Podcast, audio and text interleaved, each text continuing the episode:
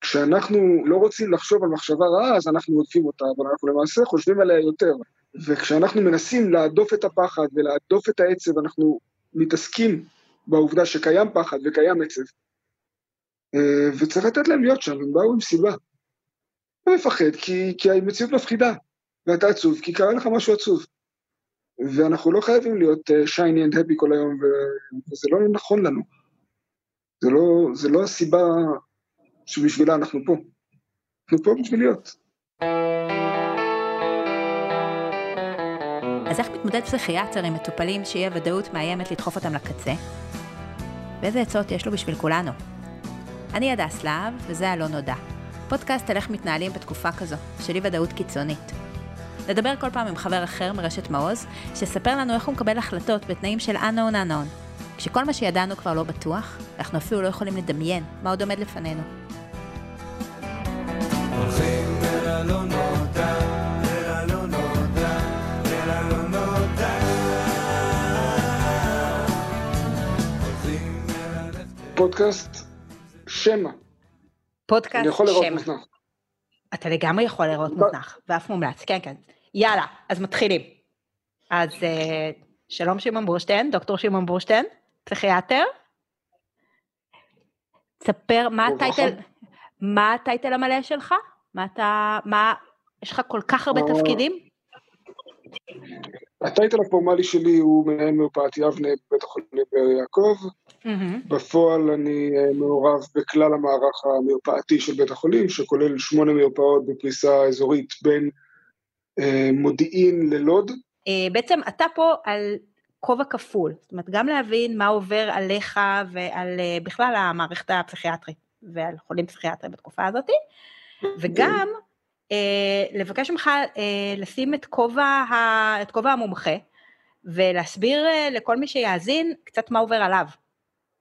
מה, למה אנחנו מגיבים כך קשה אה, לאי ודאות, ואם אם יש דרכים להתמודד עם זה.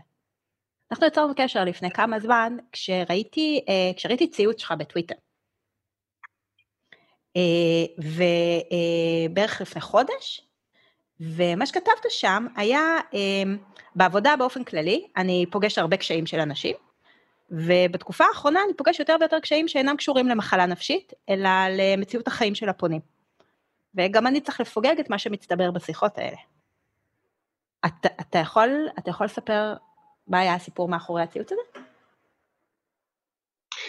בגדול זה לא סיפור נקודתי, זה, מהמם. זה אירוע מתמשך, כלומר, פסיכיאטריה היא רפואה של מחלות נפש. יש את האנשים שמוגדרים כמטופלים פסיכיאטריים, כחולים במחלות פסיכיאטריות, דיכאון, חרדה, סכיזופרניה, הפרעות דו-קוטביות, כאלה ואחרות, פוסט-טראומה, שורת המחלות. מהמם.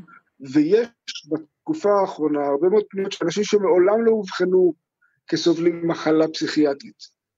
שהסיבה שהם פונים לשירותי בריאות הנפש היא המצוקה, שאין לה, לה שיום פורמלי. אפשר להגדיר את זה כשיהיה הסתגלות, או כשיהיה התמודדות, אבל לא מדובר באנשים שיש להם איזשהו חולי שמוגדר ב, אה, כהפרעה נפשית, אלא פשוט מצוקה נפשית סביב הנסיבות החדשות שהם נמצאים בהן.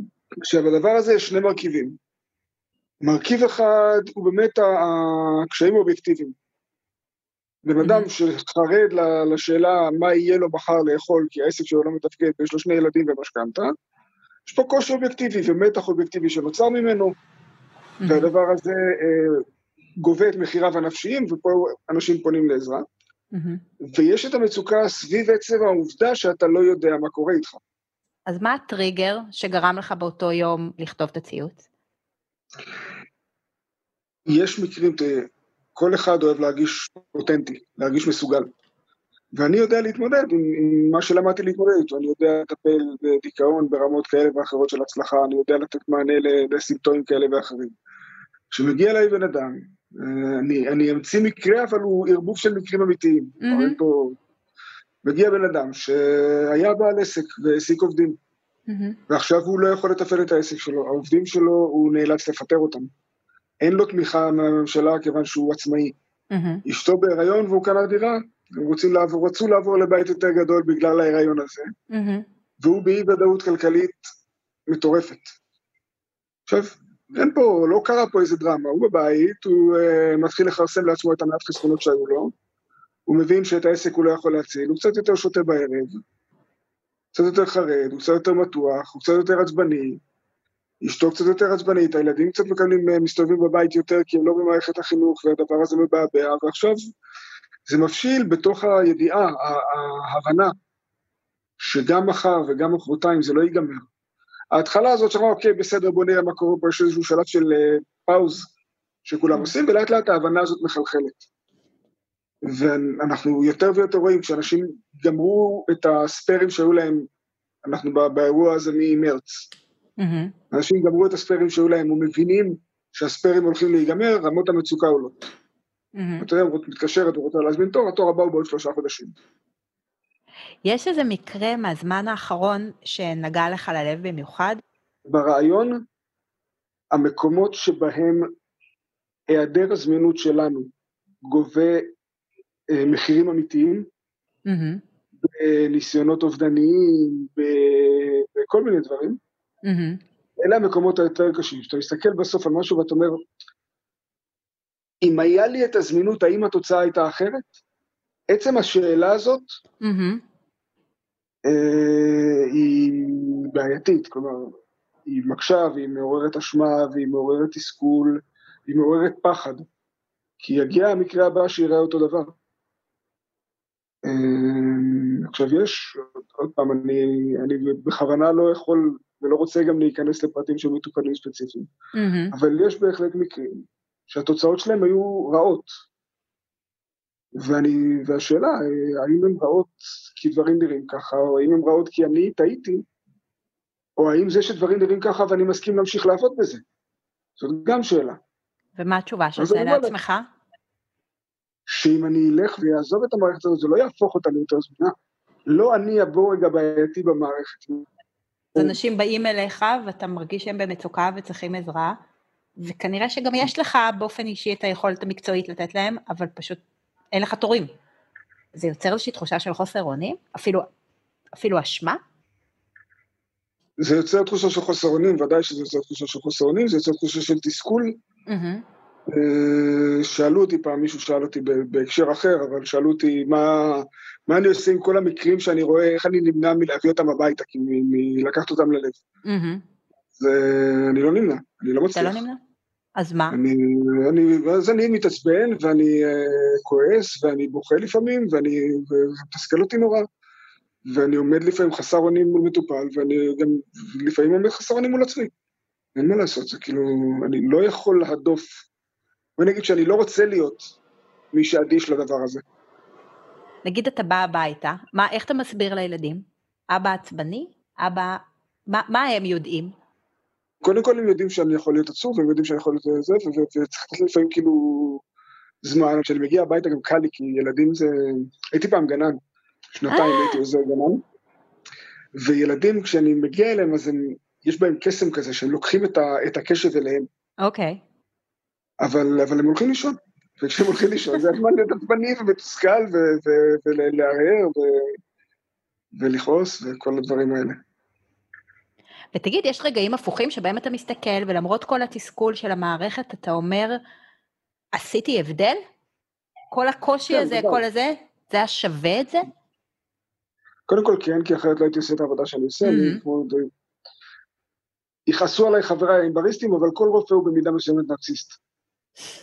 עצם המחשבה שאתה יכול לבוא ולטפל במישהו ולעשות את החיים שלו יותר טובים, וזה התפקיד mm-hmm. שלך והשליחות שלך, וזה, יש פה אלמנט של נרציזם. ו- וכן, אני, זה מזין אצלי איזשהו, ההצלחות האלה מזינות אצלי איזשהו צורך. איזה סוג של מטופלים הכי קשה לך לראות, להתמודד איתם? כאלה שאתה הכי לוקח אותם הביתה? אלה שמהדהדים לי מקרים קרובים מהחיים האישיים. כלומר, לפסיכיאטריה מגיעים, חלק גדול מהמטפלים בפסיכיאטריה מגיעים בגלל שיש להם רקע פסיכיאטרי קודם.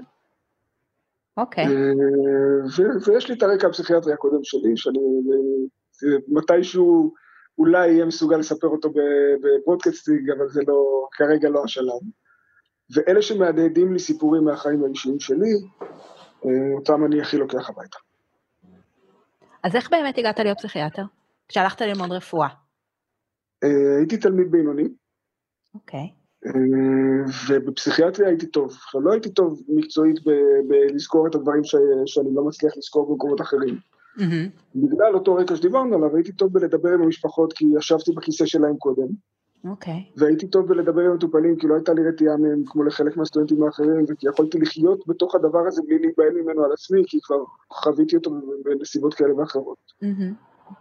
ואז אה, כשהגיעה הבחירה אם להיות פסיכיאטר בסדר או, או רופא ילדים גרוע, אז העדפתי להיות פסיכיאטר בסדר, אז הלכתי לשם. והיו רגעים שהתחרטת מהם? כן, אה, אני חושב שחלק מהמסלול שאני עושה היום לתחום הניהול, יש בו מידה מסוימת של רצון קצת לאזן את זה, כלומר לא להיות רק בתוך זה, קצת לווסת. גם קצת להשפיע על אותם דברים שמתסכלים אותי, אבל גם קצת אה, לא כל היום להיות בתוך זה. פסיכיאטריה היא מקצוע, כל המקצועות הרפואיים לוקחים אותם ללב, הם מכבידים ויש בהם הרבה אחריות, אבל פסיכיאטריה היא מקצוע בעיניי שהוא ממש אה, אה, מצר את ה... הוא מכביד בצורה אחרת על האיזון הפנימי שלך. בוא נדבר שנייה אחת דווקא באמת על הפרספקטיבה הניהולית ספציפית בתקופת הקורונה. בעצם דקה לפני הקורונה, או אפילו כאילו כשהקורונה בעצם כבר הייתה פה, בראשון במרץ, אה, אתה נכנסת לתפקיד של מנהל המרפאות בבאר יעקב. כן, שהוא מרכז המרפאות. ואז כמעט יום אחד הכל נסגר. אני אתחיל הפוך, כן. המשבר הזה הוא גם סוג של הזדמנות, כמו כל משבר. מהמם. בית החולים אה, ניסה הרבה מאוד שנים לבנות תשתית והכרה בטיפול מרחוק, שזה מהלך שהוא הרבה יותר מורכב ממה שנשמע על פניו, כי על פניו מה, אני לוקח את הטלפון ואני אה, מפעיל בו זום ואני מטפל מרחוק והכל בסדר, אבל צריך שקופות החולים יכירו בטיפול הזה ושיהיה לו מדד של סטנדרט אה, איכות, מהמם. שהטיפול יהיה באמת כמו שצריך ושיהיו לו הגדרות של מה עושים בטיפול, זו פלטפורמה טיפולית חדשה, הצוות צריך להיות לפחות מוכשר בה באיזושהי רמה בסיסית. אה, ויודע לעבוד איתה. אה, וצריך שיהיה לו אה, זמינות של אמצעים לעבודה מרחוק, וצריך שהמטופל יהיו לו אמצעים לעבודה מרחוק. לא כל המטופלים הפסיכיאטריים יודעים להשתמש בזום או בטימס מהמם. או בוואטאבר, ולא לכולם יש את הטלפון אה, המשוכלל ביותר או את תשתית האינטרנט המתאימה בבית. אז זה משהו שבאמת. אה, התעכב במשך הרבה מאוד זמן בגלל כל המורכבויות האלה. ו- והקורונה אה, שיטחה חלק מהמורכבויות. אה, בדרכי המימון והאישורים ומשרד הבריאות, וכולם נרתמו לאפשר את זה מאוד מאוד מהר. טיפול מרחוק עושה את אותה עבודה כמו, כמו טיפול פנים אל פנים? לשיטתך? יש על זה הרבה מאוד מחקרים, יש לו יתרונות וחסרונות. במבחן התוצאה הסופית, כנראה שהתוצאה הסופית היא במטפל מיומן, שיודע לעשות טיפול מרחוק, עד שהתוצאה הסופית היא דומה. אוקיי. יש יתרונות מסוימים לזה שהמטופל הוא בסביבה הטבעית שלו, ומרגיש יותר נינוח, ויש פה אפשרות לבטא ולראות, יש אה, חסרונות בזה שאתה לא באמת במגע של אחד על אחד, יש להם מטופלים שזה יותר קל להם, יש מטופלים שזה יותר מורכב עבורם. והיו מטופלים ש... שאמרת שלא כל כך הסתדרו עם זום, שלא הייתה להם אה, טכנולוגיה, אז, אז, מה, אז מה עושים?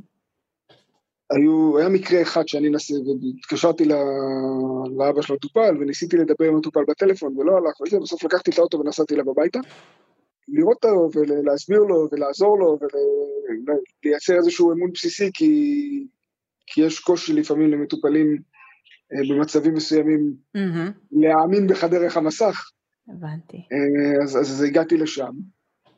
ומבחינתך, אמרת שחלק מהעניין שלך זה המגע הישיר, הבלתי אמצעי. מה זה עושה לך? אתה, זה, זה גורם לך להרגיש יותר מנוכר? אתה, אתה מרגיש שאתה מפספס? אני מרגיש שאני מפספס, כן.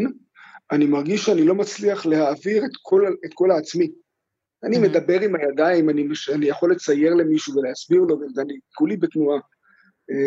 ואני חושב שזה חלק מהדרך שלי להעביר מסר, וזה חלק מהדרך שלי להיות נוכח בשיחה. מהמם, והזום הוא לוקח את המרחב הזה שמבית החזה ל- לראש, וסוגר קצת, אה, שם אותך במסך. אה, וקצת מרגיש כמו אה, צפייה בסרטון הדרכה ביוטיוב, ופחות קשר עם בן אדם שבאמת אכפת לו, כי אני חושב מהמם. שכל הרעיון הוא שיהיה אכפת לך מהמטופלים. וזה לא תמיד עובר טוב במסך כמו שזה עובר באחד על אחד. אז עכשיו אני רוצה להעביר אותך לכובע של המטפל slash מייעץ. קודם כל, למה כל כך קשה לבני אדם להסתדר עם אי ודאות? למה, למה זה כזה big deal? קודם כל זה עניין, אה, אפשר לחשוב עליו כעניין אבולוציוני. ככל אוקיי. שאני יודע מה יקרה, אני יכול להתכונן אליו, ככל שאני יכול להתכונן אליו, הוא מסכן אותי פחות. אה, ואז נוצרת המשוואה הלא בהכרח נכונה, שאי ודאות שווה סכנה. כי אם אני לא יודע מה יקרה, אז יכול להיות שמה שיקרה יהיה רע, ואז אני לא אהיה מוכן כלפיו. מה גם. שוודאות יוצרת נינוחות. מה הוודאות יוצרת? סליחה? נינוחות, דמייני ילד. מהמם. ילד שיודע שבשעה זו וזו הוא ילך לחצר לשחק. ואחר כך, קצת לפני שחוזרים, אתה אומר, בגן ילדים, בגן הילדים, כשאתה עובד בגן ילדים, אז, אז לפני שאתה חוזר, אתה לא אומר, בואו, יש עכשיו אה, אה, מפגש, אתה אומר, אה, עוד חמש דקות יהיה מפגש. ואתה מייצר איזושהי ודאות לקראתו. אה, גם אנחנו, אנחנו אוהבים להגיע לעבודה ולדעת מה יהיה סדר היום שלנו, ופתאום כשנכנס לנו איזה שתי מטלות שלא תכננו אותן, אז פתאום כל היום הוא במין אווירת מתח, ואיזה יום נוראי היה לי, ואל תשאל, ו... אז אנחנו עכשיו כבר חצי שנה בתקופה הזאת. מה זה עושה לנו? אנשים נהיים אפאתיים אה, קצת לדבר הזה. חלק מהאנשים נהיים אפאתיים, כאילו, עזוב, מה שיחליטו, יחליטו, כבר אין לי כוח, אני כבר לא, לא עושה את זה. חלק מהאנשים נשארים במתח התמידי הזה, שהוא מתיש, והוא מביא לקשיי שינה, והוא יכול להביא לתחושות של דיכאון, הוא יכול להביא לעצבנות, לשינויים בסף גירוי, וחלק מהאנשים מסגלים לעצמם שגרה בתוך האי שגרה, או שגרה של אי ודאות. אוקיי. קצת כמו חיילים בטירונות, שבהתחלה נורא נורא נורא נורא קשה להם, ואז הם מתרגלים לסוג הזה של האי-ודאות. מהמם. מתרגלים לשינה עם הקפצה בלילה, מתרגלים לזה שאתה יכול בכל רגע ללכת להתחיל להתרוצץ באיזה... ה- האדם הוא יצור סטגלן. במרבית המקרים, רוב האנשים מסתגלים לסיטואציה החדשה. חלק ביותר קלות, חלק בפחות קלות, חלק עם מחירים כאלה, חלק עם מחירים אחרים, אבל אם יהיה פה, הנה, בואי נסתכל חלילה, לא חלילה, על המציאות, על מניין ההרוגים. ב- בסיפור הזה.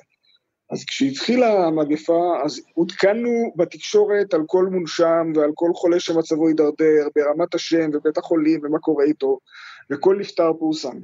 מהמם. אנחנו במעל אלף הרוגים. אנחנו מפתחים סוג של, אה, לא רוצה להגיד אדישות, אבל אה, הסתגלות לנתונים. מהמם. ההסתגלות הזאת היא הסתגלות מסוכנת. כתוצאה מזה, בעצם המגפה מתפשטת כתוצאה מהסתגלות. אני לא חושב שהיא רק מסוכנת, היא, היא באה בסוף לתת מענה לבעיה. מהמם. היא באה לפתור את, ה, את, ה, את אותו קונפליקט פנימי. שאם אני לא מרגיש ודאות ו, ו, ואני לא יודע להתכונן לזה, אז אני אשים את זה במקום לא חשוב. ואז אני יכול להסת... לחיות ליד זה. אז האדישות זה זה מנ- בעצם מנגנון הגנה אפקטיבי? זה מנגנון הגנה מאוד אפקטיבי, והוא עוזר לאנשים להתקיים מסביבנו. אנשים חיו במציאויות נוראיות לאורך ההיסטוריה, מהמם. והמסוגלות לחיות בתוך אותן מציאויות היא חלק מהמנגנונים שהתפתחו ב... באוכלוסייה האנושית. אבל המרכיב הקטן הזה של האדישות, או, או של ההסתגלות, הוא שמאפשר לנו להמשיך ולתפקד. כי אם היית אומרת למישהו לפני, בפברואר, בוא לעבודה, אבל קח בחשבון שכל יום בישראל נדבקים קרוב לחמשת אלפים איש במחלה שיכולה להיות קטלנית, ושיעורי התמותה שלהם כך וכך. אומר לך, מה? רגע, מה? איפה אנחנו? אני לא הולך לעבודה בתנאים האלה. היום אנחנו כולנו מתפקדים בתוך המציאות הזאת, ו- ולא בהיסטריה. ויש לך איזשהו טיפים לתת דווקא לאלה שפחות מתפקדים? שלא מצליחים לפתח אדישות? אנחנו נוטים להילחם ברגשות שליליים, לנסות להדוף אותם. אתה עצוב, אז אתה לא, אל תבכה, למה אתה בוכה, כל מיני דברים כאלה. אני חושב שרגשות, כל הרגשות יש להם מקום וצריך לתת להם ביטוי. כשאנחנו אה, לא רוצים לחשוב על מחשבה רעה, אז אנחנו עודפים אותה, אבל אנחנו למעשה חושבים עליה יותר.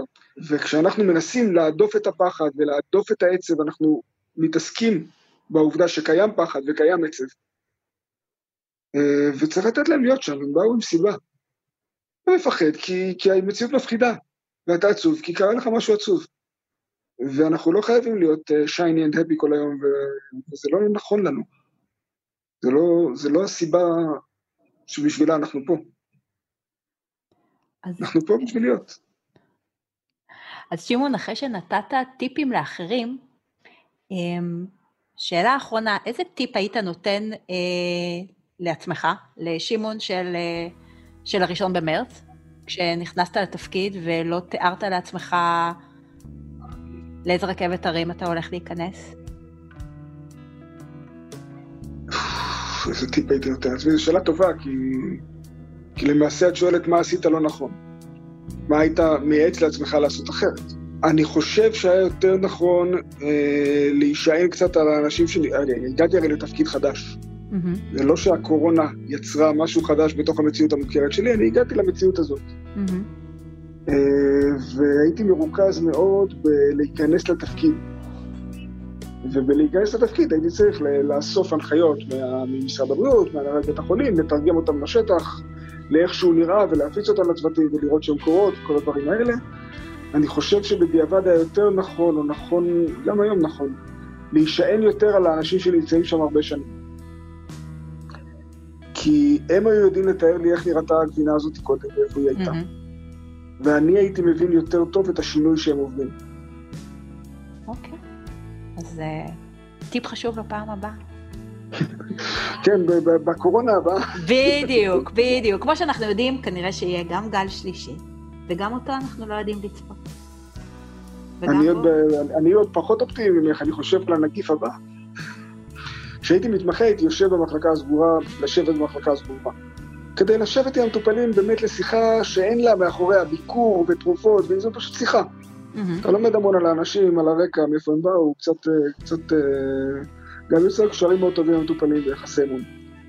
באחת השיחות האלה אמר לי איזה מטופל, תשמע, אנשים עוברים, הזמן עובר. הזמן אומר, האנשים עוברים. טוב. גם זה סוג של אופטימיות. לגמרי. שמעון בורשטיין, תודה רבה רבה, ושתהיה לך שנה טובה. שנה מבורכת. והמון תודה רבה. בריאות. ביי. תודה, ערב. טוב.